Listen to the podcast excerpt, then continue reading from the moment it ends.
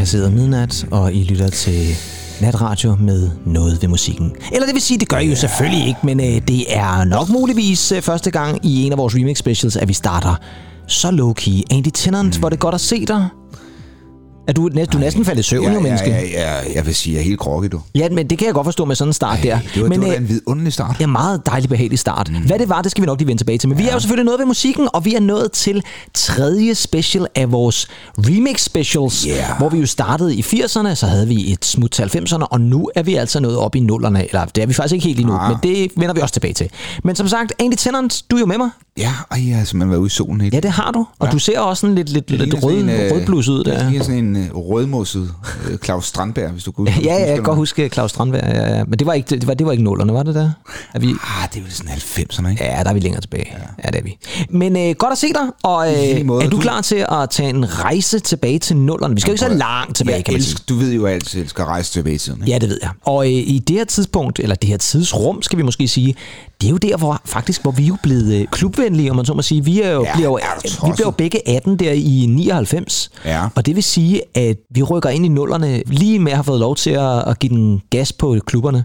Det var så ikke noget, jeg gjorde mig så meget i. Jeg, jeg, jeg ved ikke Nej. faktisk, man, har du været klubmenneske egentlig, før øh, vi kendte hinanden? Vi lærte jo at kende hinanden lige der Ja, i og du, 2001. og jeg, jeg er altså betaget over, at du er som en af de få i dette land, der, der omtaler det, klubberne. Jamen, jeg elsker det, men det er også, fordi jeg er så Ja, engelsk det, det, er jo meget, det er meget engelsk funderet, fordi Ja. ja. jeg har jo altid sagt, at vi skal på diskotek. Ja, lige præcis. Det er sådan Det er lidt mere næste. Jo, dansk. men jeg er sindssygt, jeg, jeg render meget på diskotek. Ja. Jeg bryder mig egentlig ikke så meget om det. Jeg har altid bedst kunne lide de brune værtshus. Ja, og det, det der er jeg helt enig i, og det er måske også derfor, jeg er et eller andet sted. Jeg var meget fascineret af klubmiljøet, ja. Ja. har altid været det, men, men det har aldrig været et sted, jeg sådan opholdt Du mig særlig er meget. For, for svag til at sige nej, ikke? Kom Ja, nu med. Og, Ej, det var, der var du så også meget sværere end mig, for jeg sagde normalvis så pas, hvor du så fortsatte ind på Crazy Daisy. Vi stod typisk uden foran og er diskuterede, rigtigt, og så fortsatte du ind, og jeg fortsatte så, hjem. Så fik jeg nok sagt til dem, så stopper det jo bare her. Ja, det var en legendarisk bemærkning i virkeligheden. ja. Men Andy, vi startede jo her med et uh, nummer, mm. som uh, måske kan du huske vedkommende. Hun ja. hedder Marie Frank. Er du tosset jo? Ja, og hun var meget populær der i uh, slutningen af 90'erne, var det? Ja, det var det. Ja, og der lavede hun jo et album, der hed Ancient Pleasures, som kom ud i 99, og som blev et kæmpestort hit. A Symptom of My Time. I'm Uh. just a symptom of my just a symptom of my time. Ja, det var sådan lidt britisk på noget, hun sang også. Det var, det var Ja, meget fedt. Fed. Ja, jeg kan huske, at jeg så hende, og correct me if I'm wrong, har det været 99-2000 Ja, det lyder jo rigtigt. på Roskilde. Ja, det har det nok helt sandsynligt Slidte været. kopperbukser Ja. og en slidt kopperjakke, og så røde træsko. Nå, ja, det er jo ikke så... Altså, ham der, jeres gamle guide der ved Android Orchestra, der, der kan jeg, kan jeg gode råd, han ville have været rasende. Ja, Det var ikke gået. det var bestemt ikke gået nok. jeg, jeg ved ikke, altså, det har jo været en, en, en pløremark, ikke? Jo, det har det været. Der har sikkert været regnvejr. Men øh, i øh, 1999 udgav hun altså sit debutalbum. Det blev indspillet i New York faktisk, mm. i 98. Mm.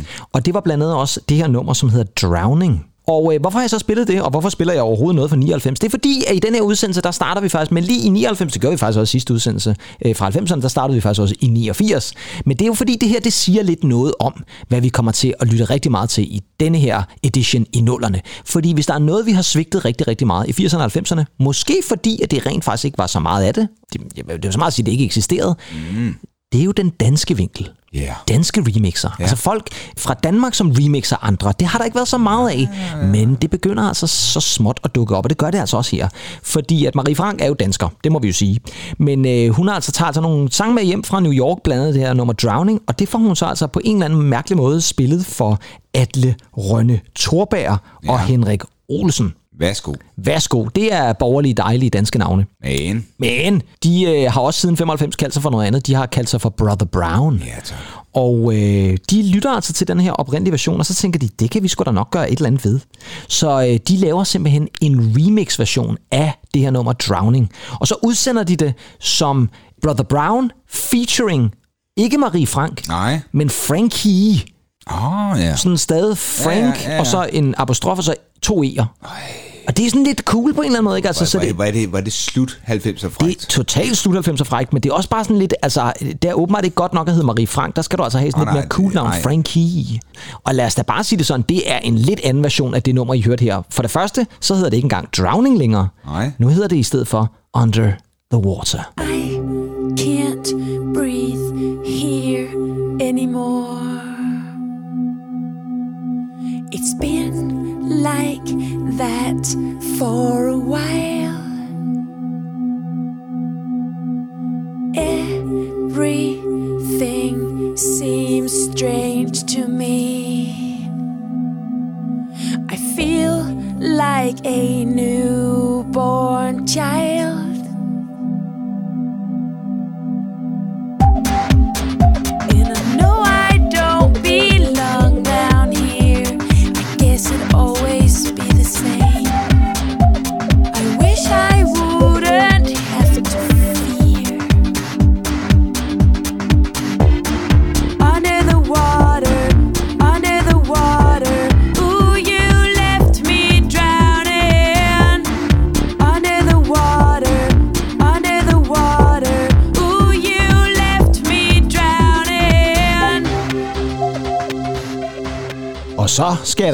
For, vi kom ind på øh, klubberne og dansegulvet. Det var øh, støvet og, Ja, også meget... og, og lurvet og... Øh, Ja, og lidt, og lidt også sådan lidt karakteristisk for den Ja. lyd, der er på det her tidspunkt, ja, synes meget, jeg. Meget, Rigtig ja. meget endda. Ja, den der dum, dum, dum, dum, dum, dum. Ja, og sådan lidt, lidt, lidt underspillet. Vi havde, havde, I 90'erne havde vi meget gang i nogle meget voldsomme progressive beats. Det her det er sådan lidt mere... Ah, det er sådan lidt mere chillet, men samtidig er der jo, altså, der er masser af bevægelse i, og man kan sagtens øh, tage på dansegulvet til den der. Et eller andet måde, så synes jeg faktisk, det godt kunne lyde som om, man har genindspillet vokalen, men det er vel ikke det, der er tilfældet. Man har vel egentlig bare hævet vokalen ud. Jeg ved det øh, faktisk. Jeg tror det faktisk, du har ret, fordi Ja. hun synger også noget andet. Hun synger ikke helt det samme i verset. Nej, nej, Det gør synes hun faktisk nej. ikke. Så jeg, er, jeg tror, noget af det er nok bibeholdt fra den oprindelige version, men der kunne godt, jeg kunne godt forestille mig, at der faktisk er blevet indspillet nogle, nogle lidt andre vokaler i verset, for eksempel. Det her, det var et uh, ret, ret, ret stort hit, både ja, i radio og, kæmpe. og på klubberne, og faktisk også i England. Den blev udsendt som single i England, selvfølgelig. Og der gik den ind som nummer 18. Det er faktisk en ret respekteret yeah. placering der i slutningen af 90'erne, hvor der virkelig bliver kæmpet på hitlisterne. Det førte faktisk også til, at Brother Brown faktisk blev et rimelig stort remix-hit.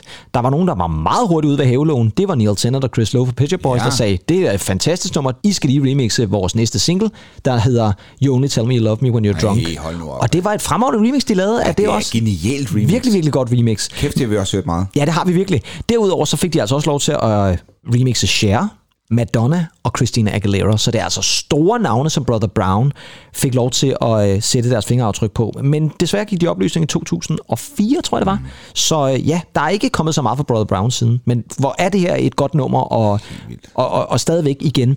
Det peger lidt fremad, hvad vi også skal snakke om i resten af programmet, fordi vi kommer altså til at nævne nogle flere danskere. Men vi bliver her i første omgang i England. For nu er jeg nødt til at stille dig et spørgsmål, egentlig. Ja, Og tak. det er et lidt mærkeligt spørgsmål, det vil jeg godt medgive. Mm. Men uh, det giver mening. Det giver mening. Hvem er din yndlings Spice Girl? Øh, Jeg må kun sige en. Du må kun sige en. Ikke udseende. Hvem er det, du tænker er mest interessant sangmæssigt? Ja, jeg, jeg ved godt, hvem din er. Ja, det ved du godt. Og det leder måske også lidt frem til, hvem vi skal spille lige om lidt. Ja, I know. Ej, min det er, det må være Ginger Spice. Ja. Hvad er der noget specielt, der gør, at du lige tænker Men hende? jeg kan, jeg kan godt lide hendes sådan øh, meget øh, britiske øh, accent. Ja, det må man også sige, den er. Ja. Øhm, ja, jeg holder utrolig meget af hende. ja. En anden, der også har en meget britisk accent i ja. uh, Spice Girls, og som jeg holder meget af. En lidt mere nasal udgave, ja. Ja. Det, det er jo Melanie- C. Og jeg synes jo, Melanie C. er hende, der har den mest interessante stemme, fordi ja, det er den, der du, virkelig... Ja, det synes jeg, fordi den adskiller sig totalt fra alt muligt andet. Den har lidt den der, lidt, som du selv siger, nasale og lidt mærkelig måde at synge på. Du er aldrig i tvivl om, Nej, når du hører hende synge, og det synes jeg er fedt. Og øh, hun, øh, da Spice Girls jo ligesom der i slutningen af 90'erne var begyndt at gå fra hinanden, så lavede hun jo et soloalbum, det gjorde de faktisk alle sammen, tror jeg. Men hendes, det var et kæmpestort hit. Fuldstændig Og var vanvittigt. faktisk måske det største hit, faktisk. Uh, hun lavede jo også den der fantastiske sang med Lisa Brian- Left Eye. Åh, oh, ja, ja, jeg vil også vil sige Brian Adams. Og Brian Adams lavede hun også et altså, nummer hun med. lavede alt. Hun lavede rigtig mange gode ting, og hendes debutalbum, det hed Northern Star, det Ja. kom der i øh, 99. Ej, det var også godt. Det er et fremragende album, Ja. og det er lige blevet genudsendt i år, tror jeg faktisk, på vinyl, så man kan gå ud og erhverve sig det.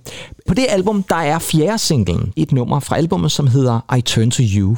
Og Ja. ja. øh, her kommer det i albumversionen, som er en lidt, øh, kan man sige, elektronisk sag, om end på en lidt anden måde, end det vi så skal høre lige om lidt. Ja, klart.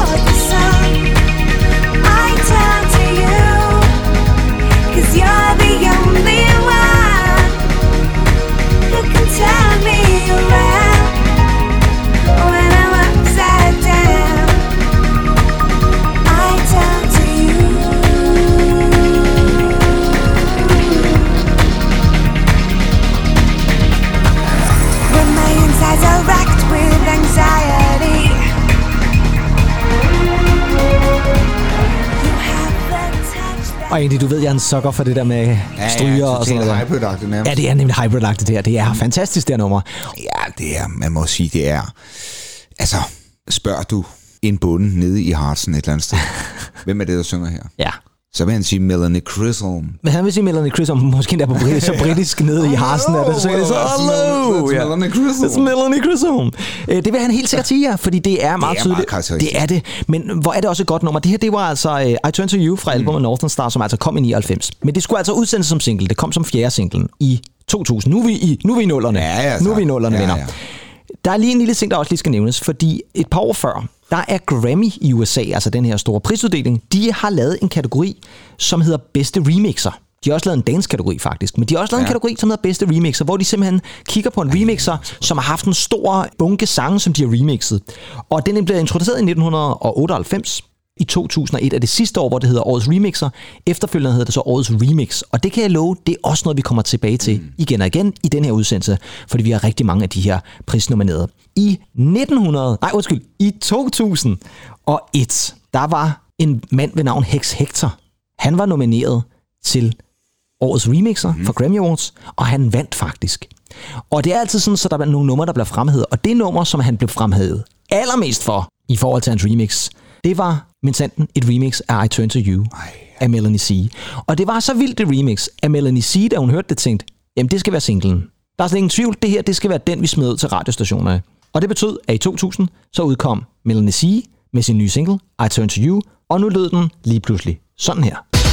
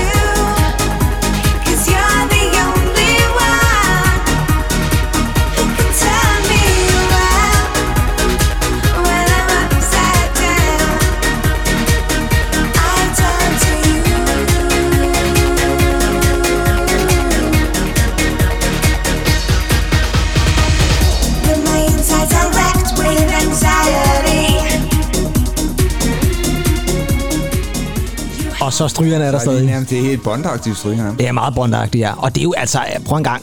Det her, det er jo uh, Four on the Floor. Altså, det er bare Der- der direkte ud på den skole. Ja, ja, der er- smadrer der ud af, ja. Hex Hectors Club Mix vinder altså en Grammy, eller han vinder en Grammy for Hex årets Hector. remixer. Ja, Hex Hector. Det her nummer, det bankede direkte ind som nummer et på den engelske single hitliste. Altså, smadrede direkte ind som nummer et. Solgte 120.000 eksemplarer på CD-single. Fysiske CD-singler Ja, ja, ja, ja. På, i bare første ugen. Altså første uge, 120.000 CD-singler, der blev langet over disken I England. i England. Det her nummer gik nummer et i, øh, i England, som sagt. Det gik nummer et i Danmark. Det gik nummer et på den amerikanske US Dance Chart. Det var et øh, kæmpe hit. Ja, bare i, generelt i Europa, ikke? Øh, Generelt i Europa, men altså, jeg tænker altså også lidt det, der den har været et hit i USA. Det synes jeg faktisk er ret vildt, Ja, fordi det er- det er altså ikke typisk noget, øh, amerikanerne kaster så meget Nej, over. nej, nej. Et andet sted, det var et kæmpe hit. Det var, Holland eller Italien og det var i Senior Pedersen. Min far, han elskede det her Ej, nummer. ej, det kunne jeg godt Han var fuldstændig vild med det her nummer. Altså, jeg har sjældent set min far sidde og banke i rettet så meget, som når han hørte den i, i bilen. Det var Jeg vanvittigt. vil lige se på sådan en med, med kammen og punkten i baglommen, og så Ja. en Las Vegas kasket. Og så Las Vegas kassetten, ja, lige præcis, ikke? men han elskede det her nummer, det gjorde han virkelig. Og derfor øh, tror jeg også bare, det er sådan et nummer, som har fyldt rigtig meget hos mig også. Ja. Jeg synes, det var et fantastisk remix, det her. Og øh, det er lidt sjovt, fordi så ser du Hex Hector, jamen han, jo, han vandt Grammy'en for bedste remixer, men det er ikke, fordi det er sådan et navn, vi, øh, Nej, vi, vi, vi tilbeder i remixverdenen her i 2022, vil jeg sige. Hex, så jeg kommer til at tænke på Hex siger det er tricks eller sådan. Måske den, den onde bror, endnu under brugeren er. Det kunne ellers være fantastisk, Hexe og de tricks, hvor der hedder Hex Hector der, ja. Et forslag her til det Anneby er- og Anders Sand og Company, hvis I har lyst til at Godt gøre det. forestille sig Joachim von And være sur på er ikke, og Hex Hector mixet der her. Han kan bedre lide albumversionen der. Ja, tak. Nå, hvad hedder det så? Øh, Men vi har nu fået taget hul på nullerne, og jeg vil sige en ting, som altså, vi vender tilbage til, det det der med Grammy'erne. Men nu skal vi faktisk helt tilbage til 1982. Ja. Fordi i 1982, der er der et band, som vi faktisk har nævnt nogle gange, og det er altså et band, vi er nødt til at nævne, når vi snakker remix, fordi i starten af nullerne, der har de stadigvæk gang i nogle gode nye sange, og de har ja. stadigvæk gang i en masse remix. Og det er selvfølgelig Depeche Mode. Yes. Og i 1982, der udsender de en B-side, der hedder Further Excerpt from My Secret Garden. Det er en instrumental, som bare er sådan lidt mærkelig, lidt sindet. Og så egentlig, så skal jeg virkelig bede dig om at lægge rigtig godt mærke til noget i det her nummer. Mm-hmm. For der er måske noget, vi skal bruge lidt senere her lige om et øjeblik. Og det starter sådan lidt stille og roligt, sådan lidt uh, plinky plonky Det er sådan en klassisk Depeche Ja, Mode. ja, ja, ja. 82 her er Vince Ja, Clark altså Vince gået ud. Clark med. Ja, her er der Martin øh, Gård, der står for... ud. Ja, han er gået. Han er måske også gået ind.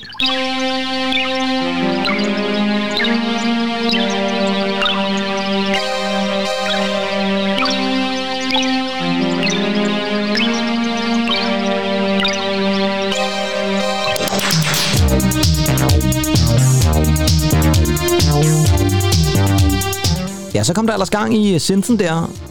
Og det her, det er altså oprindeligt et Depeche Mode nummer. Det er altså der, deres oprindelige nummer fra 1982. Og det vi skal have fat i nu, det er et remix, hvor at uh, ham, der remixer det, har været så genial at sige, jamen, der er noget af det gamle, som vi kan bruge igen.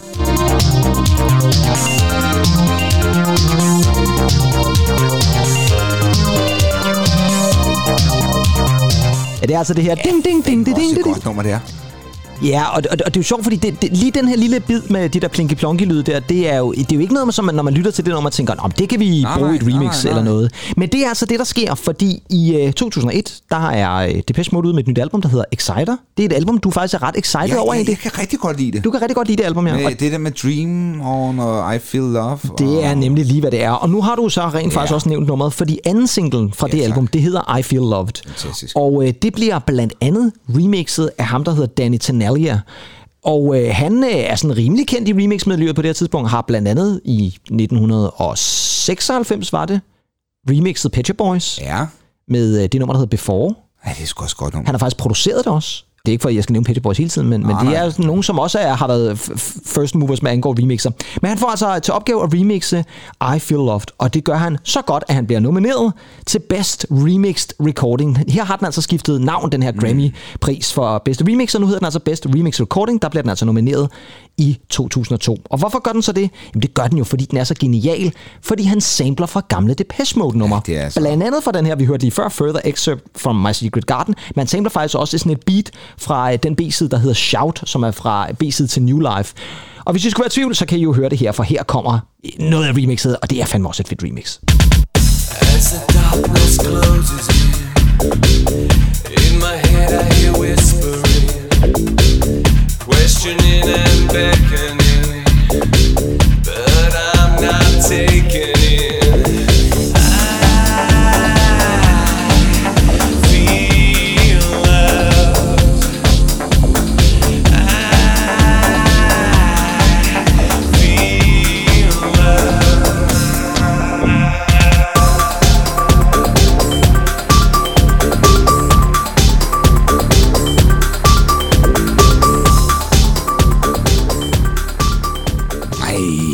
jeg elsker det remix. Ja, det er fantastisk. Nu sagde jeg lige før, at jeg ikke var det store klubmenneske, men hvis jeg havde været på en klub, og det her var kommet på, så var jeg gået amok. Så havde jeg lavet lige så meget hiphop dans, som du er, er kendt for at gøre. Ja, og jeg tror faktisk, det var et, et nummer, vi hørte ved, ved Skyderløs eller sådan noget, på vej ud mod Haslev en sen aften. Jamen, det er meget muligt. Det kan ja. jeg så ikke lige huske, må jeg sige. Men, men det, er, har du højst sandsynligt ret i ude Skyderløse. Ja, det har været et stort hit i Skyderløse. Men øh, hvad hedder det? Ja. Det her er altså Danny Tenalia remixet af I Feel Loved. Og det der med, at han bruger noget fra gamle Depeche Mode, det er jo noget, man begynder på på det her tidspunkt. Især når man har at gøre med et band som Depeche Mode, som jo har udgivet numre i øh, over 20 år, så er der jo et bagkatalog, og hvorfor så ikke genbruge noget af det? Det synes jeg faktisk er ret Det genialt er, det er jo det, der er genialt nogle gange med remakes. Du lige kan finde de her små ting, og så bare gøre dem til øh, nærmest temaet, ikke? Jo, lige præcis, og det bliver jo nærmest en del af temaet Ja, ja, ja. et eller andet sted. Ja, og der gik. I lang tid anede jeg faktisk ikke, at det var fra et gammelt Depeche Mode nummer, han faktisk har samlet. Der tænker jeg bare, åh, hvor er det genialt fundet på. Ja, det var- Men det er jo faktisk Depeche Mode selv. Han bruger det bare på en ny måde. Ja, hvor skulle man... Ja, Altså, ja, det, det er jo før, nærmest før nettet, ikke? det er før Ah, nettet, og jeg vil også sige, at på det tidspunkt havde jeg måske ikke lyttet til hele... Altså, jeg var ikke så meget inde i B-siderne også Nej, til. Depeche Mode. Det er, først, Ja, ja, det er det er også- måske først efterfølgende, jeg kommer ringe til Mecklenborg? Der, Ja, det skulle jeg måske have gjort i virkeligheden. Ja. Han havde været et godt råd der. Men, øh, men det er bare for at sige igen, at det er en anden måde at tænke remix på, at sige, jamen vi bruger noget originalkunstneren, ja. bare på en lidt anden måde. Og jeg skulle lige sige, at når vi kommer til vores remix special fra 10'erne, der kommer vi til et glans eksempel på, hvordan du også skal gøre det. Så er vi nået til 2002. Det er nærmest lige før, jeg har et nummer fra hvert Ja, år. Det er rigtig det- godt. Og jeg vil også love allerede med det samme, eller jeg vil ikke love, jeg vil faktisk måske i virkeligheden undskylde, vi kommer nok til at gå ikke over tid, fordi vi har aldrig nogen over fast tid på. Går måske også gå lidt over stregen. Men i hvert fald have et lidt langt program, fordi vi har masser, vi skal igennem. Og vi, vi har også nogle remix, vi virkelig brænder for egentlig, og dem er vi jo selvfølgelig nødt til at give tid. I 2002, der er der en mand, som lige pludselig er blevet meget populær igen, og det er ellers en, som jo faktisk var med til at starte hele, sådan, kan man sige, rockmusikken mm-hmm. tilbage i ja, 50'erne, var det faktisk. Det her nummer er oprindeligt fra 1968. Ja, Jo, tak. hold godt fast. Og så var det faktisk med i øh, den film, der hedder Ocean's Eleven. Kan du huske den? Om hen. sorry. Ja, jeg elsker ja, den. Ja, det er George Clooney, Ja, og George der er faktisk Clooney mange gode skuespillere. altså, Matt den er- Damon og ja, Julia ja. Roberts. Og, ja. Om ikke andet i hvert fald, det er rigtig mange gode skuespillere, der er med i Ocean's Eleven. Der var det her nummer, altså den oprindelige version også med, og det tror jeg var med til at gøre, at en hollænder ved navn Tom Holkenborg, han øh, fik blod på tænderne. Og Tom Holkenborg, han går også under et andet navn. Han hedder nemlig også Junkie XL. Ja. Og øh, han fik altså til opgave at hive fat i det her nummer fra 2000, og, eller som var med i den her film Ocean's Eleven i 2001, men som oprindeligt altså fra 60'erne. Og det er jo af den gode Elvis Presley. Ja. Ja, og det var et nummer, som øh, jeg tror ikke særlig mange, jeg havde aldrig hørt det før, tror jeg, øh, men igen, jeg var heller ikke lige så velbevandret i Elvis Presley som så meget andet, mm. men det er et nummer, som hedder A Little Less Conversation. A little less conversation. Ja, men, men kan, kan, kan du huske, at du har hørt det før? Altså før det, her, kan- før det her mix. Du skal jo være ærlig nu egentlig.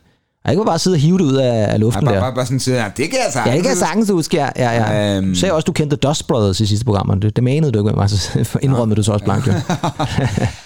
Altså, jeg vil sige, der blev spillet meget øh, Elvis i vores hjem, ikke? Ja, men det altså, kan jeg da godt- Mine, øh, mine forældre kur dernede. Øh, Hos mine forældres venner kur dernede. Ja.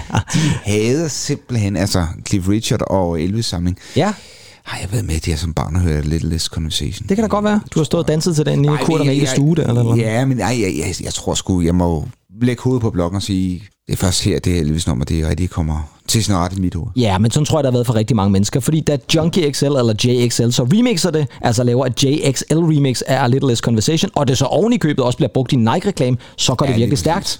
Og ja, I kender det jo selvfølgelig alle sammen godt. Men her er der i hvert fald en lille bid af det.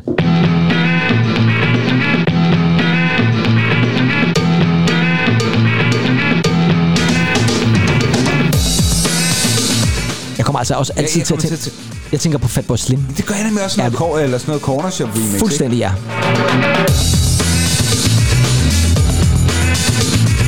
Brim full of Asher. Ja, der er meget, også lidt corner shop over det her.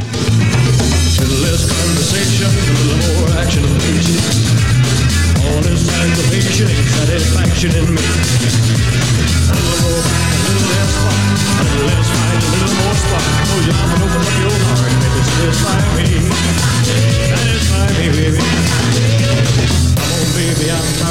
Talking. Grab your coat and let's start walking. Come on, come on. Come on, come on. Come on, come on.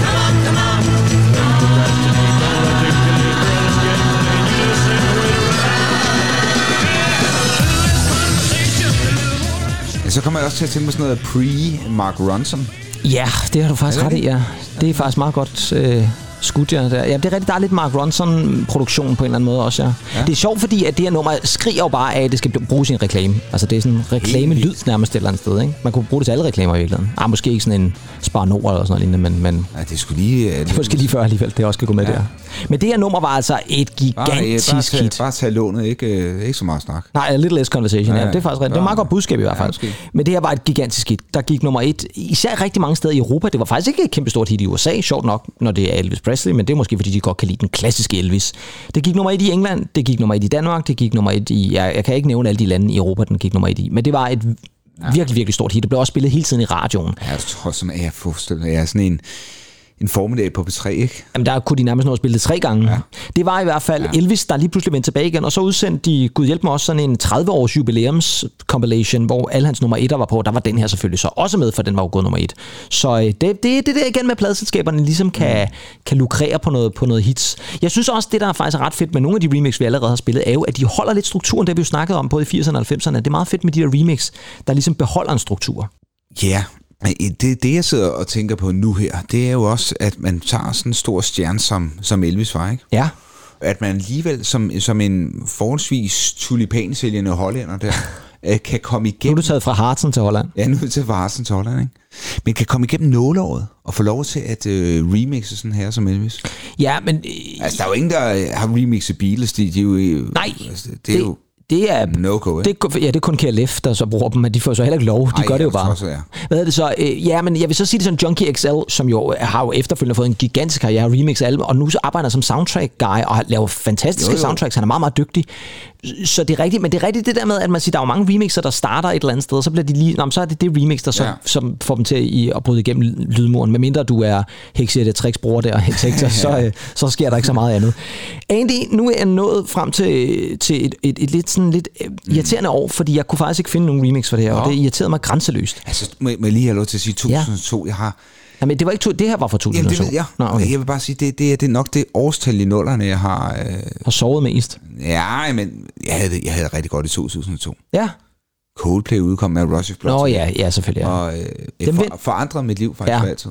Og dem vender vi måske tilbage til, kan jeg så Ja. fortælle. Øh, ikke i 2002-versionen, men måske lidt senere. Ja, okay. Men i 2003, Ja. der kunne jeg simpelthen ikke finde et remix, der var godt nok for ligesom at komme igennem vores mm. meget hårde kriterier. Øh, men kan du huske, hvad, hvad lavede du i 2003? Jeg var... Jeg hang jo, eller du hang på... Jeg boede, jeg bo, boede op i Carlsen Du boede nærmest hos mig, ikke? Ja, jeg sov på sofaen, ja. sofaen. Jeg tror jeg nærmest mere, end jeg sov i Vi min egen seng. Ja, vi blev kaldt far og søn. nærmest. Ja, det var lige før, ja. Men Og vi derudover... Var, i- vi var i London og... Ja, det var vi nemlig lige præcis, ja. 2003, Hvad lavede du sådan rent musikalsk i 2003? Nej, nej. Jo, fordi jeg ved jo, at I. I spillede en koncert er i efteråret 2003. og øh, Det var god gammel Horizon Bell, der tog jeg fat i et nummer, I spillede. Og så lavede jeg et remix ud af det. Ja. Og det blev til et Trap and Speed Mix. Og det kommer her.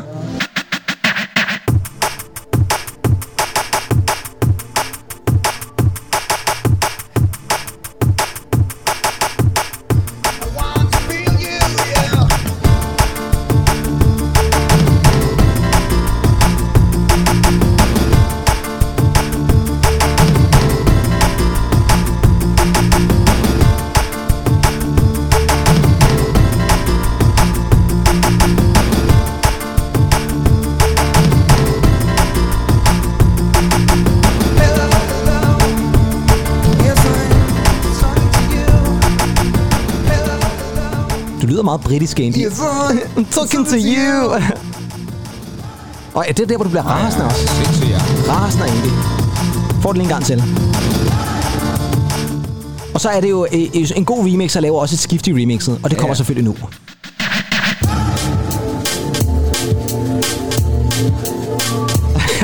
som er en eller anden fra, ja, som lyder som et eller andet sindslyd. Men det er bare inden for publikum. Og så giver du den gas igen. Det her det er jo mig, der har lavet remixet, egentlig. Jeg synes, det er imponerende remix, Pedersen. Ja. Altså, øh, fordi du havde jo kun Ja, en liveudgave. i gåsøjne en liveudgave lige direkte fra bordet, ikke? Ja, fuldstændig. Det er direkte fra soundboardet. Fra, hvad var det, han hed? Peter... Ja. Kom ned fra Vordingborg. Nej, det var ham der, der elskede Ål i gelé. Hvad fanden var det? Holy gelé. Gud faderbarmel. Peter Kok, tror jeg. Peter Kok, ja, det er da Ja. rigtigt, det gjorde han da. Men øh, om ikke andet i hvert fald, så var det her jo altså et stort hit op i Casa Penthouse. Ja, du tosset her. Og det var jo altså øh, Horizon Bell, som øh, i din øh, gruppe hed på det her tidspunkt. Forestil mig også sådan en, en cigarrygende 47, der har siddet der som, øh, som pladselskabsmand og, og, og lyttet til det her remix. Ja, og det er jo det er lidt sjovt, fordi nu er 47 spillede trommer, og jeg kan huske, at han var sådan lidt, fordi det er jo altid trommeslageren, der ligesom bliver hævet af nummeret. Det er typisk et beat, man Jeg sætter ind synes over. egentlig, han får et... Øh, Det gør han, altså man kan faktisk ja. godt høre hans tromspil Godt- i den. godt høre, øh, tavlen der, ikke? Det kan man sagtens. Der er slet ikke noget der. Så, så Horizon Bell i et Tribe and Speed mix, Ja, ja, som altså er lavet af mig. Faktisk i virkeligheden et af de første og sjovt, måske ja. eneste remix, jeg faktisk har lavet. Ja, altså, jeg har ikke lavet så mange remix, vil jeg sige, men, men det var meget sjovt et eller andet sted. Jeg og tror, hvad, hvad arbejdede du i på det tidspunkt? og der lavede Cool Edit Pro, ligesom, Åh, ja. ligesom Radio Department. Ja, ved du altså cool det, det kan sgu noget stadig. Det kunne det. Jamen, nu er det jo så ligesom blevet til Adobes Audition i stedet for. Så, ja, øh, okay, ja. Øh, Jeg har også et andet spørgsmål til dig, Andy, fordi nu spurgte Ja. jeg hvad du lavede i 2003, og det blev du så i hvert fald mindet om. Et andet spørgsmål, jeg gerne vil stille dig, det er, hvem i alvideste verden er det her?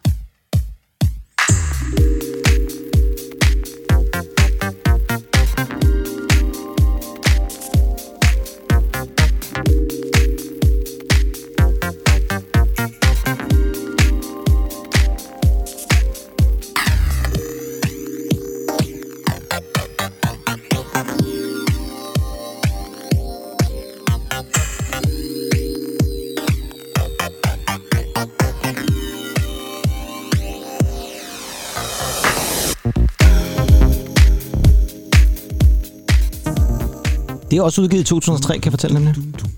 Noget lidt andet end Horizon Bell. Ved du hvad, det, det lyder sgu sådan lidt norsk, sådan lidt torteri-agtigt. Ja, jeg kan fortælle, det er skandinavisk i hvert fald. Ja.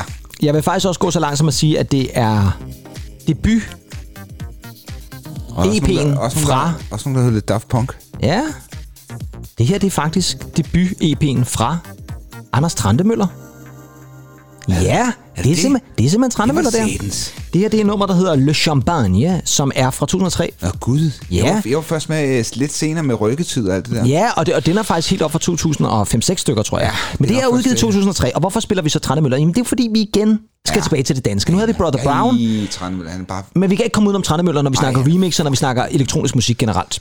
Ja, han nærmest nabo til os var nede fra Vordingborg. Ja, nu snakker vi Peter Koch fra Vordingborg, så nu har Ja. vi altså Trandemøller fra Vi Vordingborg. altså også have Trandemøller for dem. Ja, det skal vi i den grad, ja. Og hvorfor spiller jeg så Trandemøller? Men det gør jo, fordi han jo øh, ligesom var den måske for mig i hvert fald en af de første elektroniske, danske elektroniske musikere, som virkelig formåede at, øh, at gøre et navn ud af sig selv, også mm. uden for kan man sige, de danske breddegrader. Altså jeg ved godt, Brother Brown også havde været der, der var også nogle andre kunstnere, men, men, men Trandemøller altså, var bare en helt anden level.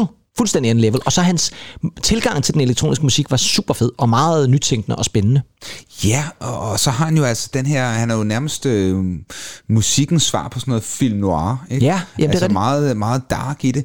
Men læg også mærke til, når han har spillet live, altså så er det jo altså med live musicians. Ja, det er det nemlig, Det er jo ikke, han kommer ikke bare ned, direkte ned fra, fra, fra Algade med, med sit, ned i Vordingborg med sit USB-stik og sætter, sætter i bordet og så Nej, nej. går i gang. Nej, det gør han ikke. Der er rigtig musikere, og jeg vil også sige det sådan, han har altså også udviklet sig musikalsk, ikke? Fordi, Det må man sige. fordi de første numre var meget eller det her. Jo, jo, jo, jo. Og så er der ligesom gået over blevet sådan lidt mere, øh, ja, i virkeligheden sådan lidt mere Joy Division, nærmest noget post-punk-lyd over ham. Jo, men det skal man også huske på, i starten her, der, der er det jo heller ikke øh, full band.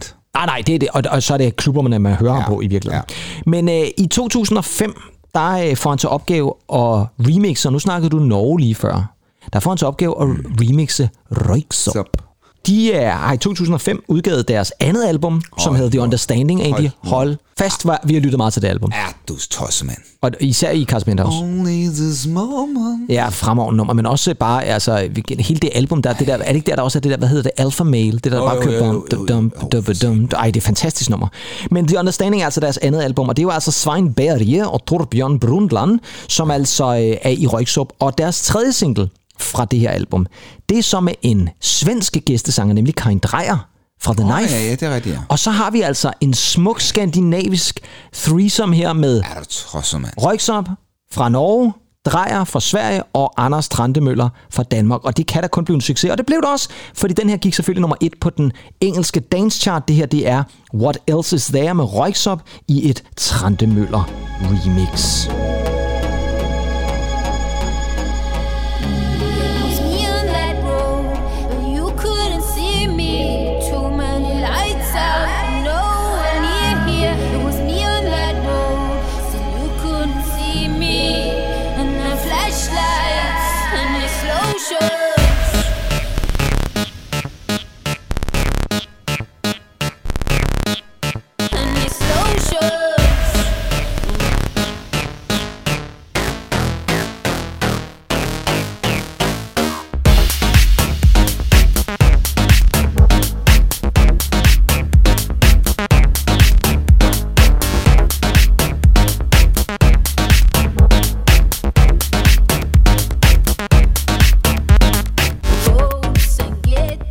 Jamen, jeg sidder nærmest og bliver helt svedig. Jeg, jeg, jeg, jeg, hvor, hvor, kan du bare høre, det er klassisk Trandemøller med de her skvulp, der Ja, det kommer er ind det. med sådan Ja, ja, brrr, ja sådan igen, sådan lidt, lidt sjove Trandemøller lydeffekter. Han har sådan altid, på det i den her periode har han nogle signaturlyde, kan Ja, man sige, ja. et eller andet sted, ikke?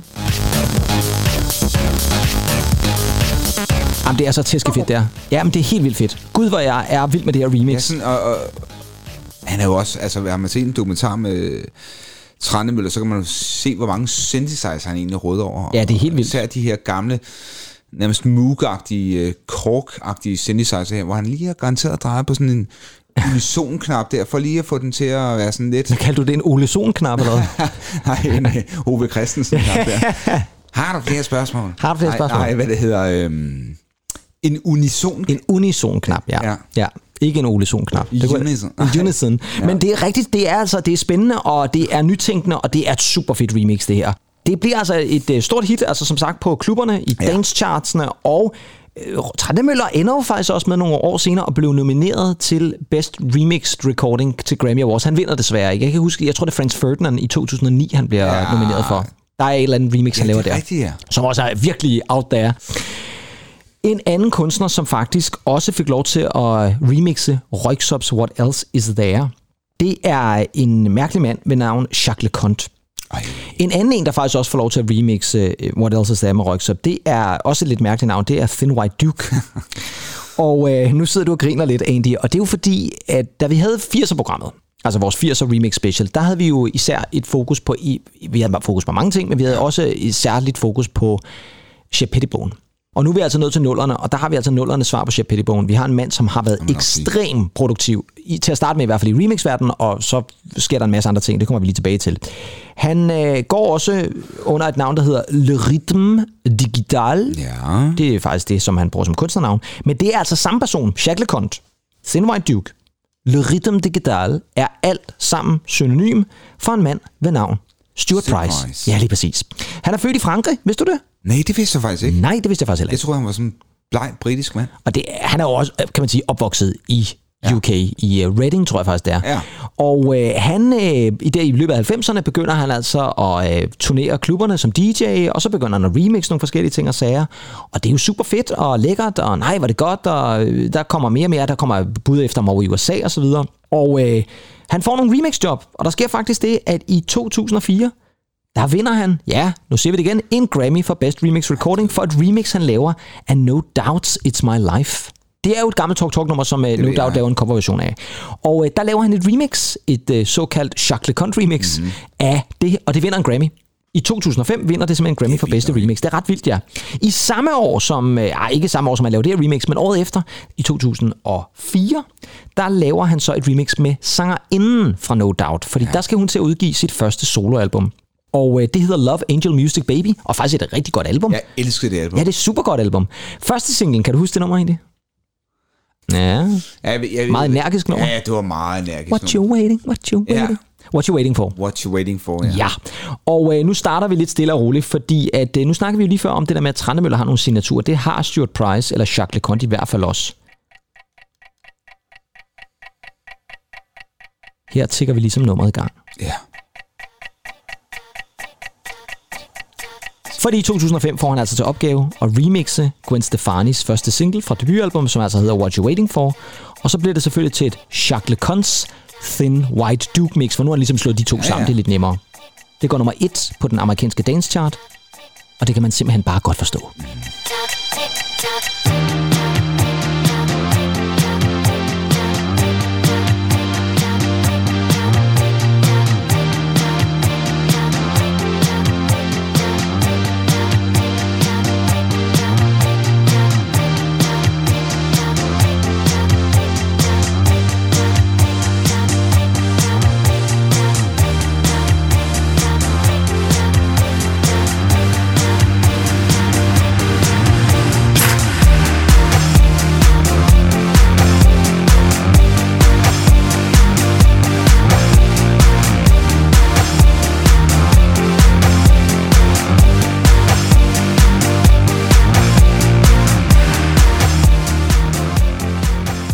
elsker også, hvordan at Stuart Price, det er sådan en ting, der også karakteriserer ham lidt, at han bruger altid meget tid i introerne på ligesom at bygge Egentlig, nummeret ja, op. ja, ja, ja, det er bare klassisk. Og så går der egentlig lidt tid, før Gwen hun kommer ind. Det gør hun så nu.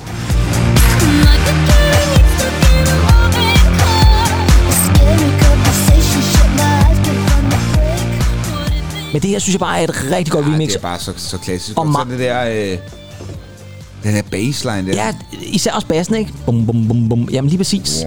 Og det er bare et fedt remix, som er meget karakteristisk Stuart Price og Jacques LeConte, og det han egentlig i virkeligheden står for. Ej, prøv lige at høre det her.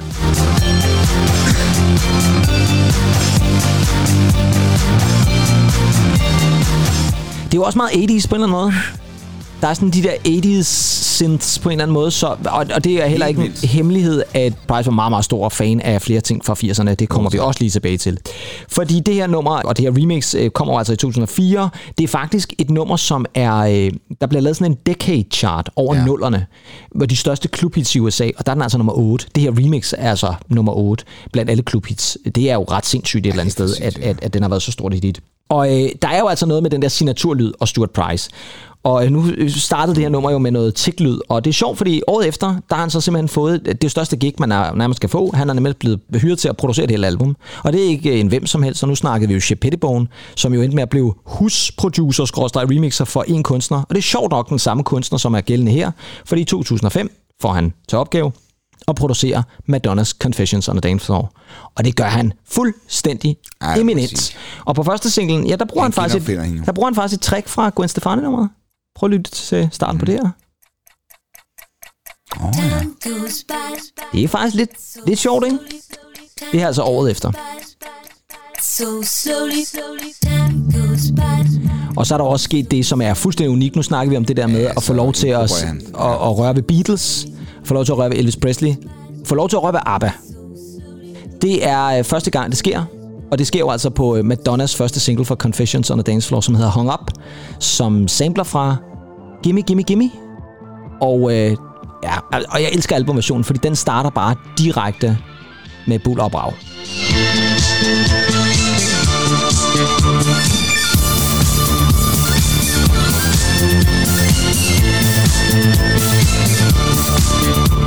Jamen igen, den der du, dum, du, du, dum, dum. Ej, jeg elsker det. Det er fantastisk. Og jeg, jeg, Ja, det er så også de der filtre der, han putter ind over, ikke? Ja, det er helt vildt. Jo, og hvis du spørger mig, så her er det her det sidste godt, rigtig mand. gode album, som Madonna har lavet. Jeg synes, Confessions on a Dance Floor er mesterligt elektronisk album. Kunne du ikke lide det der American... Ja, nej. Western, det, det var måske ikke. Nej, og det, nej jeg, jeg vil faktisk sige, at efterfølgende synes jeg ikke rigtigt, hun har lavet noget, som var, sådan, var rigtig interessant. Nej. Jeg ved godt, hun lavede nogle inter, inter, ja, interessant i nogens øjne. Hun lavede det på- sådan noget samarbejde med Timbaland og sådan noget, men det synes jeg bare ikke var særlig... Ja, det, det- det, var det ikke lige mig. Jeg er jo meget elektronisk og dance Ja, og jeg synthpoppet, jeg- jo ikke? Så, jeg, så, jeg, jeg, hørte det her, tror jeg, første gang, og jeg ved ikke, hvorfor jeg kan huske det her ting, men det, det tror jeg faktisk, jeg hørte hjemme hos de, de gamle. De Ja. far garanteret også været op og ringe over det her. ja, jeg tror faktisk godt, han kunne lide det også. Men, men der er jo et eller andet, det er jo som om, at han genopfinder Madonna. Ja, det gør han. Det er som om, at det, det bliver, hun får en ny identitet. Det gør det. Jamen, hun, altså, hun, øh, brager igennem hun igen. får ja. det her gymnastiktøj Ja, på, og ja. at det, det er sådan meget purple univers, og Ja. øh, frisk ny lyd, ikke? Fuldstændig. Klæ- Klæder hende virkelig. klæder hende virkelig, virkelig godt, og jeg vil også sige det sådan, det er jo det, der faktisk gør, at hun faktisk bliver meget populær igen, og vinder priser igen, og øh, det er fuldstændig rigtigt, som du siger, rent lydmæssigt, så øh, for Stuart Price altså lige blev sat gang i sin karriere, blandt andet sammen med nogle helt nye, friske kunstnere fra USA, som i virkeligheden øh, er sådan lidt mere rocket i Ja, vis forstand. De kommer fra Las Vegas, og øh, de hedder The Killers. Det gør de, i hvert fald. Ja. De har lavet et nummer, som hedder Mr. Brightside. Det tror jeg også, vi har nævnt et par gange. Jamen, det er... Det, det udkommer oprindeligt i 2003, kan jeg fortælle. Og øh, det er jo altså før, at Madonna laver alt det her og så videre. Ikke? Men Mr. Brightside kommer i 2003. I 2004, Ja. der får Stuart Price, altså det var før alt det Madonna har lavet, der får han faktisk til opgave at lave et remix for The Killers Mr. Brightside. Og det gør han så. Under pseudonymet igen, Jacques LeCon's Thin White Duke remix. Jamen, jeg ved ikke, jeg, jeg synes måske bare, vi skal starte det, det, det, fordi... Det er jo historie, det her. Det her er historie, fordi det, nu har vi snakket om det nærmest siden vores øh, første program med 80'erne. Vi har et remix, vi holder rigtig meget af, og der må vi ærligt indrømme, at det her det ligger højt opad. Så nu starter jeg det egentlig, og så må vi jo øh, se, hvornår vi bryder ind i nummeret. Jeg har nærmest ikke lyst til at gøre det, men, men vi er nok Jamen, nødt til at det, gøre det er det. også bare, bare det skulle jeg fra start til slut, hvis Ja, det er det, det skal det faktisk, ja. Men her er det i hvert fald Mr. Brightside i et Thin White Duke Jacques LeConte remix.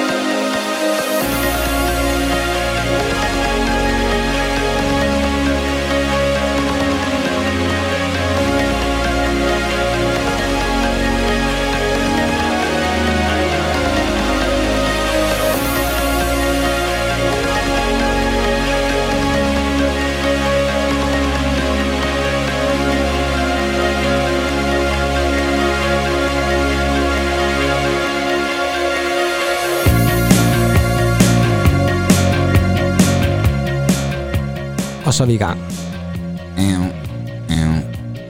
Ja, og så det der, du, du, du, som lige pludselig ændrer sig også. Det, kommer, ja. Det bliver sådan en lille ændring nu. Ej, det er fedt. Hold kæft, hvor jeg elsker det remix. Ej, men det er simpelthen bare så smukt. Ja, og det er jo igen, altså, han...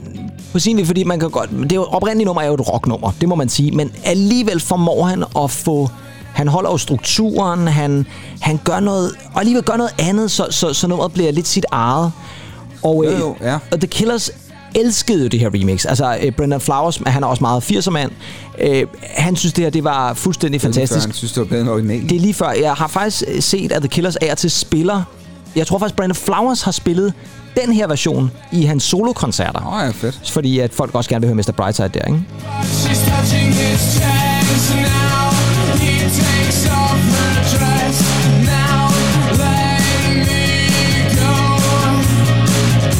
Altså, det, det kan bare alt, det her remix.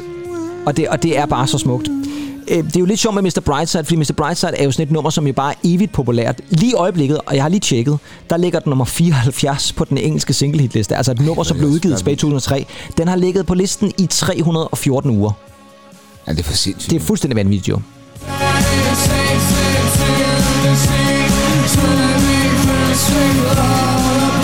Ja, men det er... Ej, hvor er det godt. Og det, er- oprind, det er- den oprindelige version er også god, men det her er også bare... Altså, det er to pragteksempler på, Ja, det hvor, er det. hvor ske- forskellige Ja. numre kan være, men Ja. de holder bare begge to på hver deres måde. Jeg, jeg er helt på røven over Jamen, det her altså, remix. Han har bare simpelthen taget de der vocal stems, Det har han. og, Og, og så øh, bare øh, gjort det sig på en...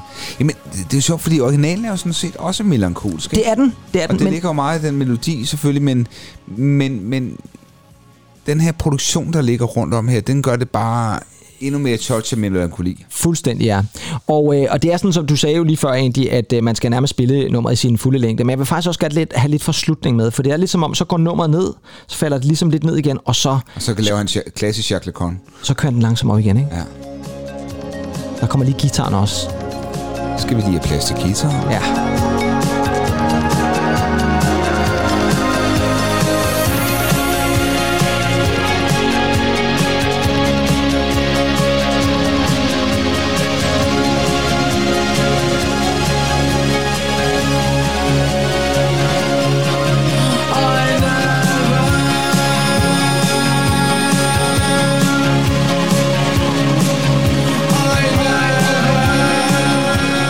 Jeg kan huske, i lang, lang, lang tid, der troede jeg, det var Peter Hook, der Ja, dukkede op præcis. der, ikke?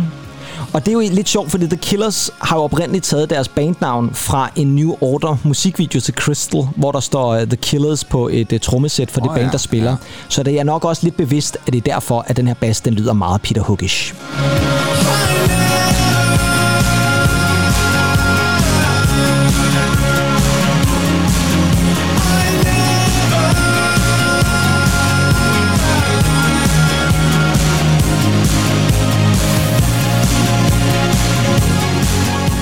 Jamen, hvor er det vildt. Så, så, så tilføjer han lige øh, nogle nye akkorder til os. Jamen, det gør han, Som, og- som lige... Øh, Ja, og så den der hooky Ja. lookalike bass der, den er fantastisk. Bom, bom, bom, baga, bom, bom. Ja, jamen det, det er vidunderligt. Det er vidunderligt. Det her remix blev selvfølgelig mm. nomineret til en Grammy for bedste remix. Det ville også have været fuldstændig Ej, sindssygt, hvis er- ikke den gjorde. Ja. Men den vandt ikke. Og det gjorde den måske mm. ikke, fordi at Jacques Leconte eller Stuart Price jo allerede havde vundet året før med No Altså, Doubt. altså, nu- nu så, så, til, så, så, så der, han lavede ikke sådan en, en dobbelt Tom Hanks der. øh, til gengæld tror jeg så, at der var så mange, der tænkte, jamen det her remix er så legendarisk. Det er så fuldstændig vanvittigt legendarisk, det her remix, at det næsten er, det er skuffende, at vi ikke har kunne give ham remix-prisen i år. Jamen, hvad gør man så? Jamen, man giver ham den der bare året efter, fordi året efter, der laver han så et andet remix for en anden gruppe, som du faktisk allerede har name-droppet, fordi der er Coldplay nået til deres tredje album, det hedder X Y, Ja. og tredje singlen fra det album, det hedder Talk, og det kommer i et Thin White Duke mix, som selvfølgelig vinder Grammy'en for bedste remix i 2007. Så der er lidt Tom Hanks ja, ja. over det. Og øh, det er også et lidt sjovt et.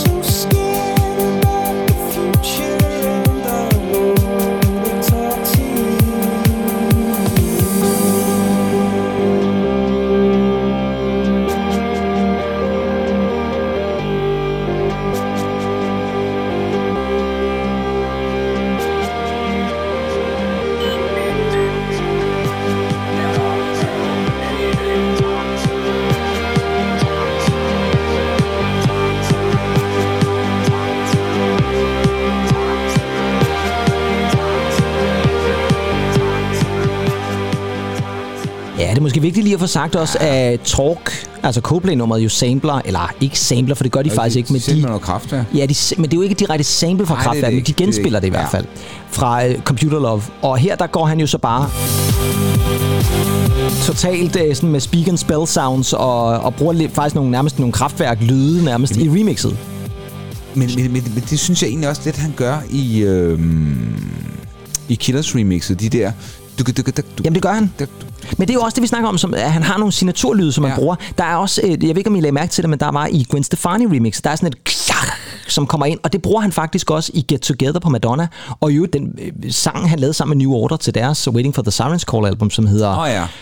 Guilt is a Useless Ja, Emotion, der bruger ja. han samme lyd, altså det er den samme lyd, præcis den samme lyd, der dukker op. Men Stuart Price, han har jo altså fået sig en kæmpe, kæmpe, kæmpe stor karriere, har jo produceret for The Killers, og endte jo faktisk med at producere flere albums, og gør det jo stadigvæk.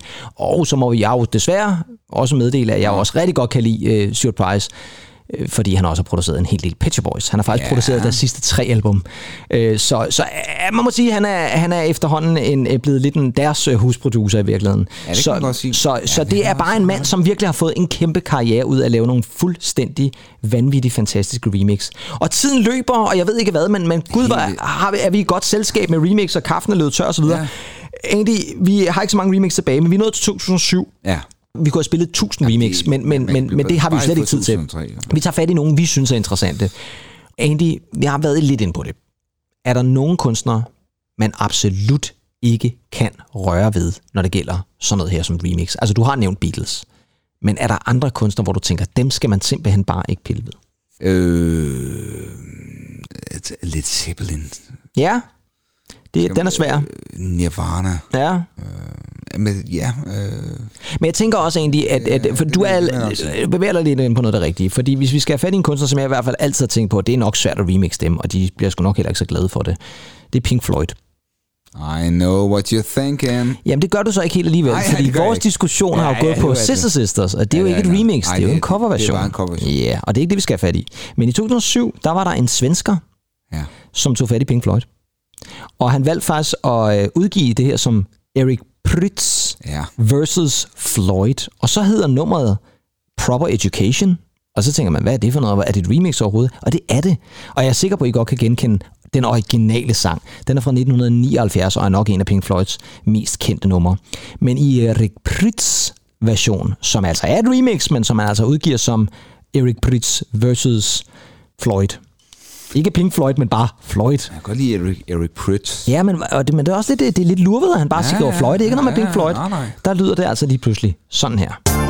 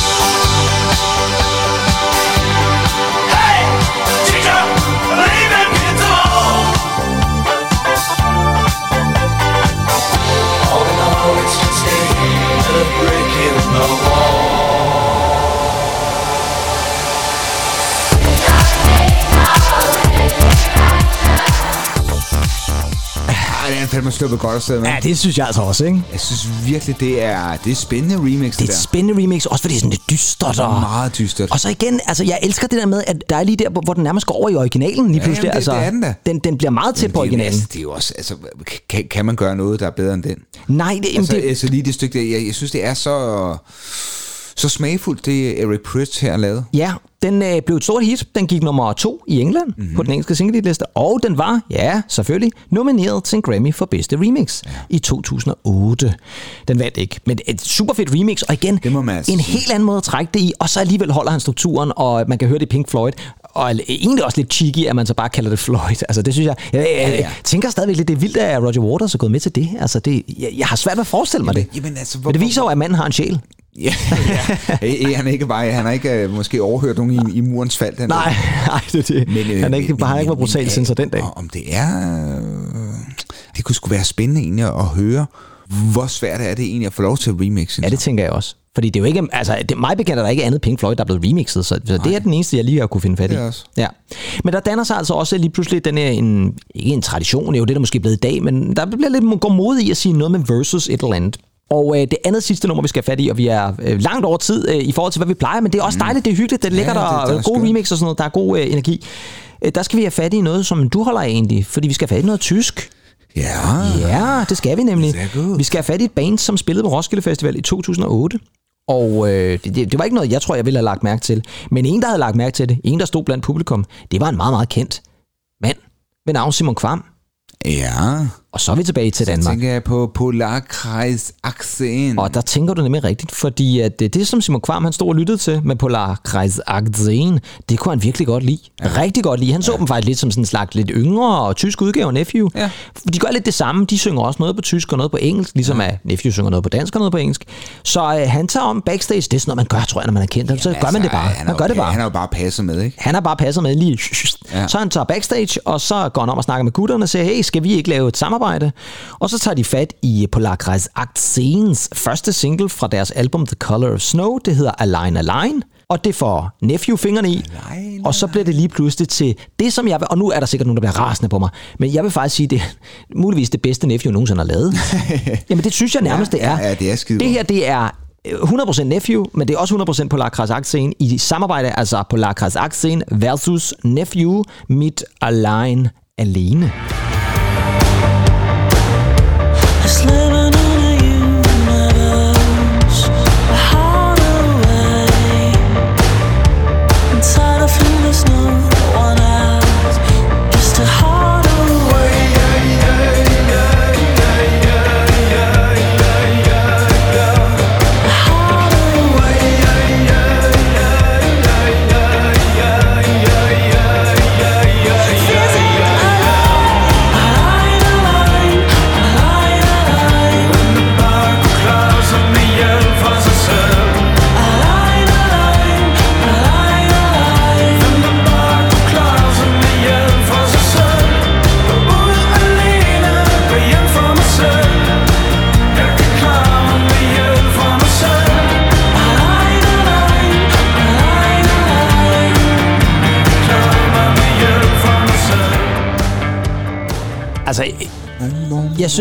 det lige igen for første gang i meget lang tid. Jeg synes, det er fremragende. Altså, og det er jo sjovt, det er jo nærmest ikke engang, det er jo nærmest ikke engang et remix. Det er nærmest en form for re-edition eller sådan noget lignende. Jamen, de har været i studiet sammen. Jamen, det, det har de ikke, fordi hvis du lytter til vokalen fra øh, Polarkreis Akse, nu kan jeg ikke huske forsangeren hedder derfra, det er præcis den samme vokal, som man leverer på den oprindelige version. Så jeg tror, det er simpelthen Nephew, der bare har siddet og sagt, "Jamen, okay, vi laver bare lige vores version af det nummer, og så tilføjer vi Simon Kvams vokaler og vores guitar og sådan lidt af hvert. Jeg synes, det er fantastisk. det er- det er skide og det blev jo spillet rigtig meget i radioen. Det må man sige, det gjorde. Og blev jo den version, man spillede i dansk radio. Man spillede ikke Align Nej, Align, men man spillede Align alene. Det er også meget sjovt, at man ligesom er sjovt, laver den der leg på ord. Men hvad med, hvad med Tyskland? Men hvad med Tyskland? Jamen, Polarkreis Aksen har vist egentlig været ret stor i Tyskland. Jeg tror ikke, Nephew remixet blev spillet så meget, men Nephew var jo også, nu er vi tilbage med det der med, Nephew havde jo også remixet Timberland, kan du huske det? The, Ja, det way, jeg the way huske, You ja. Are, eller The Way I Are, eller hvad pokker det Ja. hed. Der lavede de også et remix, hvor de The brugte Way nogle I. Are, den Ja, det var The Way I Are. Altså, i hvert fald grammatisk ukorrekt, lad os sige det sådan. Der havde Roger Waters øh, brudt ind der Ja, i det- eksamen. Can you say... Can you say grammatically, grammatically. Men det er også bare igen det der med, at Nephew lige pludselig får lov til at remixe Timberland. Det fatter jeg nærmest slet ikke. Altså, det er jo helt mærkeligt. Jo, men, men, men er, er producer egentlig så rigide? Nej, det tror jeg ikke nødvendigvis, men det er alligevel... De, de Men, sidder deres dejlige bløde læderstol der, ikke? Og- jo, men det er alligevel vildt, at Timberland de har lyttet til Nephew og siger, at de skal sgu remake mig. Altså, det synes jeg er lidt skægt. Ja, det er egentlig sjovt. Ja, det er lidt sjovt. Men øh, i hvert fald så øh, slutter vi jo, kan man sige, lidt på et højdepunkt, fordi øh, vi skal slutte med en af mine yndlingsremix fra Ja. nullerne, og det er fra 2009, og det bliver faktisk også slutningen på programmet. Men vi spiller først lige lidt af originalversionen, inden vi sådan ligesom takker af. Og det er et band fra New York egentlig. Det er et nummer, du rigtig, rigtig godt kan lide. Du kan egentlig også godt lide remixet, men du kan rigtig godt lide bandet også fra New York. Jeg tror, en af grundene til, at du godt kan lide bandet, og måske også den her sang, det er, fordi der er sådan lidt, lidt Beach Boys-referencer i. Jeg kommer ja. i hvert fald til at tænke meget på Beach Boys. Nu spiller jeg nummeret uden at afsløre, hvem det er, og så tænker jeg, at du vil sidde og glæde dig rigtig meget. Så skal vi nok også fortælle, hvem det er efterfølgende.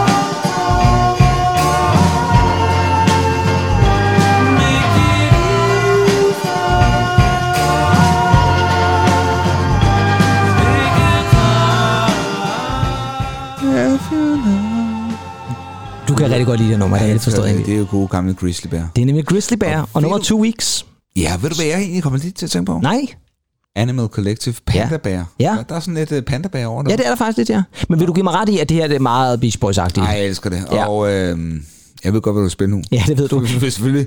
Jeg ved, det, ja, jeg vil spille et remix, men, men altså, det er jo remix, det handler om for fanden egentlig. Så det er, sådan, det er know, ikke I overraskende. know, I Øh, Ved du, know. at Europe, der synger backing vocals på det her nummer? Jeg tror faktisk, det er hende. Ja. Ja, Det er sådan noget, du siger ikke Kate Pearson eller sådan nej, det er Victoria Legrand fra Beach House. Oh, ja, selvfølgelig. Ja, den lidt dybe vokal. Man kan faktisk Ja, godt høre det lidt, når man, når man ved det. Men øh, det her nummer fra Grizzly Bear, Two Weeks, som I måske kender, måske kender I det ikke, det øh, blev sådan et mildt hit, sådan indie hit. Ja, det blev... Det blev meget stort hit for mig, i hvert fald ja. Ja. remixet. Fordi at øh, på remixet, der blev lavet flere remix, men et af remixene blev øh, lavet af en, der hed Fred Falke, eller Fred ja. Ja. Falk, eller hvordan du udtaler. Han er fra Frankrig, så det er ikke så fransk. Falke er ikke så fransk, vil jeg sige. Nej, Falke, ja. Fred Ja. Falke. Jamen altså, jeg kender kun Falke strømperne, sådan nogle vandrestrømper. Ja, jamen det kan da selvfølgelig være, der. han har måske øh, aktier i det. Eller Ja, det kan godt være. Ja. Men det er altså Fred Falke, som er fra Frankrig, er sådan en housemusiker. Han har lavet nogle remix, rigtig gode remix på det her tidspunkt også. Men øh, han har også været tilknyttet det producer-ensemble i England, der hedder Sinomania, som har lavet blandt andet mm. sådan noget Girls Aloud og så videre. Nærmest alt, hvad Girls Aloud har lavet. Så, så han har lavet mange forskellige ting og sager, men han laver et remix af det her Two Weeks i et såkaldt Fred Falke Extended Mix. Og det er Jamen, jeg elsker det remix. Og vi gør sådan så, at vi faktisk sætter det på nu, og så øh, tror jeg faktisk, vi afslutter programmet, fordi vi jo i virkeligheden øh, har været i gang rigtig længe egentlig, men det har også været hyggeligt. Det synes jeg virkelig, det har. Altså, jeg synes jo et eller andet sted, at vi har været igennem rigtig mange forskellige remix, og jeg vil også sige det som, vi har været re- igennem rigtig mange remix, vi jo holder rigtig meget af. Man kan sige, at Fred Falke gør i det her remix lidt det samme som Stuart Price, at han ligesom bygger det langsomt op. Og jeg, jeg ved ikke, om han har kigget til Mr. Brightside remixet, som Stuart Price lavede, men jeg kan godt fornemme det lidt måske.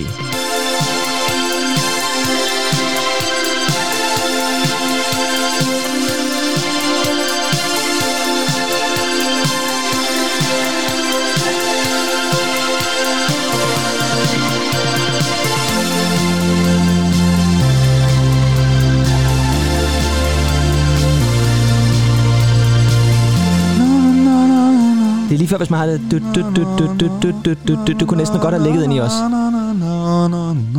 Ja, du har jo selv lavet din vokal over der. Men det her er altså et vidunderligt... Og jeg elsker introen på det her nummer. Jeg elsker simpelthen den der måde, det ligesom stille og roligt glider Helt ind i det nummer. Og øh, så går nummeret langsomt i gang. Men øh, I har altså lyttet til nullerne remix special med os, noget ved musikken. Og øh, vi ses forhåbentlig igen i juni måned til Remix Special for 10'erne, og så ses vi forhåbentlig måske også igen til noget ved musikken, et af vores øh, normale programmer. Det tænker jeg, at vi gør på et eller andet tidspunkt egentlig i et normalt program. Måske igen i næste uge, hvem ved jo. Det er det, vi plejer at gøre i virkeligheden. 100 procent. Og øh, vi kan også sige, at vi har... Ej, hør nu der. Ja, men det er det. Nu kommer vokalen ind igen også, men, men vi skal også ligesom nå at afslutte programmet egentlig, inden omkvædet kommer, for det, det, det, det bliver virkelig godt. Så mit navn har været Kim Pedersen, Og mit navn, det er selvfølgelig Andy Tennant. Og øh, indtil vi høres ved igen, så lyt til rigtig meget musik. Måske rigtig meget remix-musik, rigtig meget klubbet musik. Og så takker vi altså af med Two Weeks fra Grizzly Bear i et Fred Falkay Extended Mix. Hyg jer, nyd det i weekenden, tag ud på dansgulvet. Hej hej. Bye bye.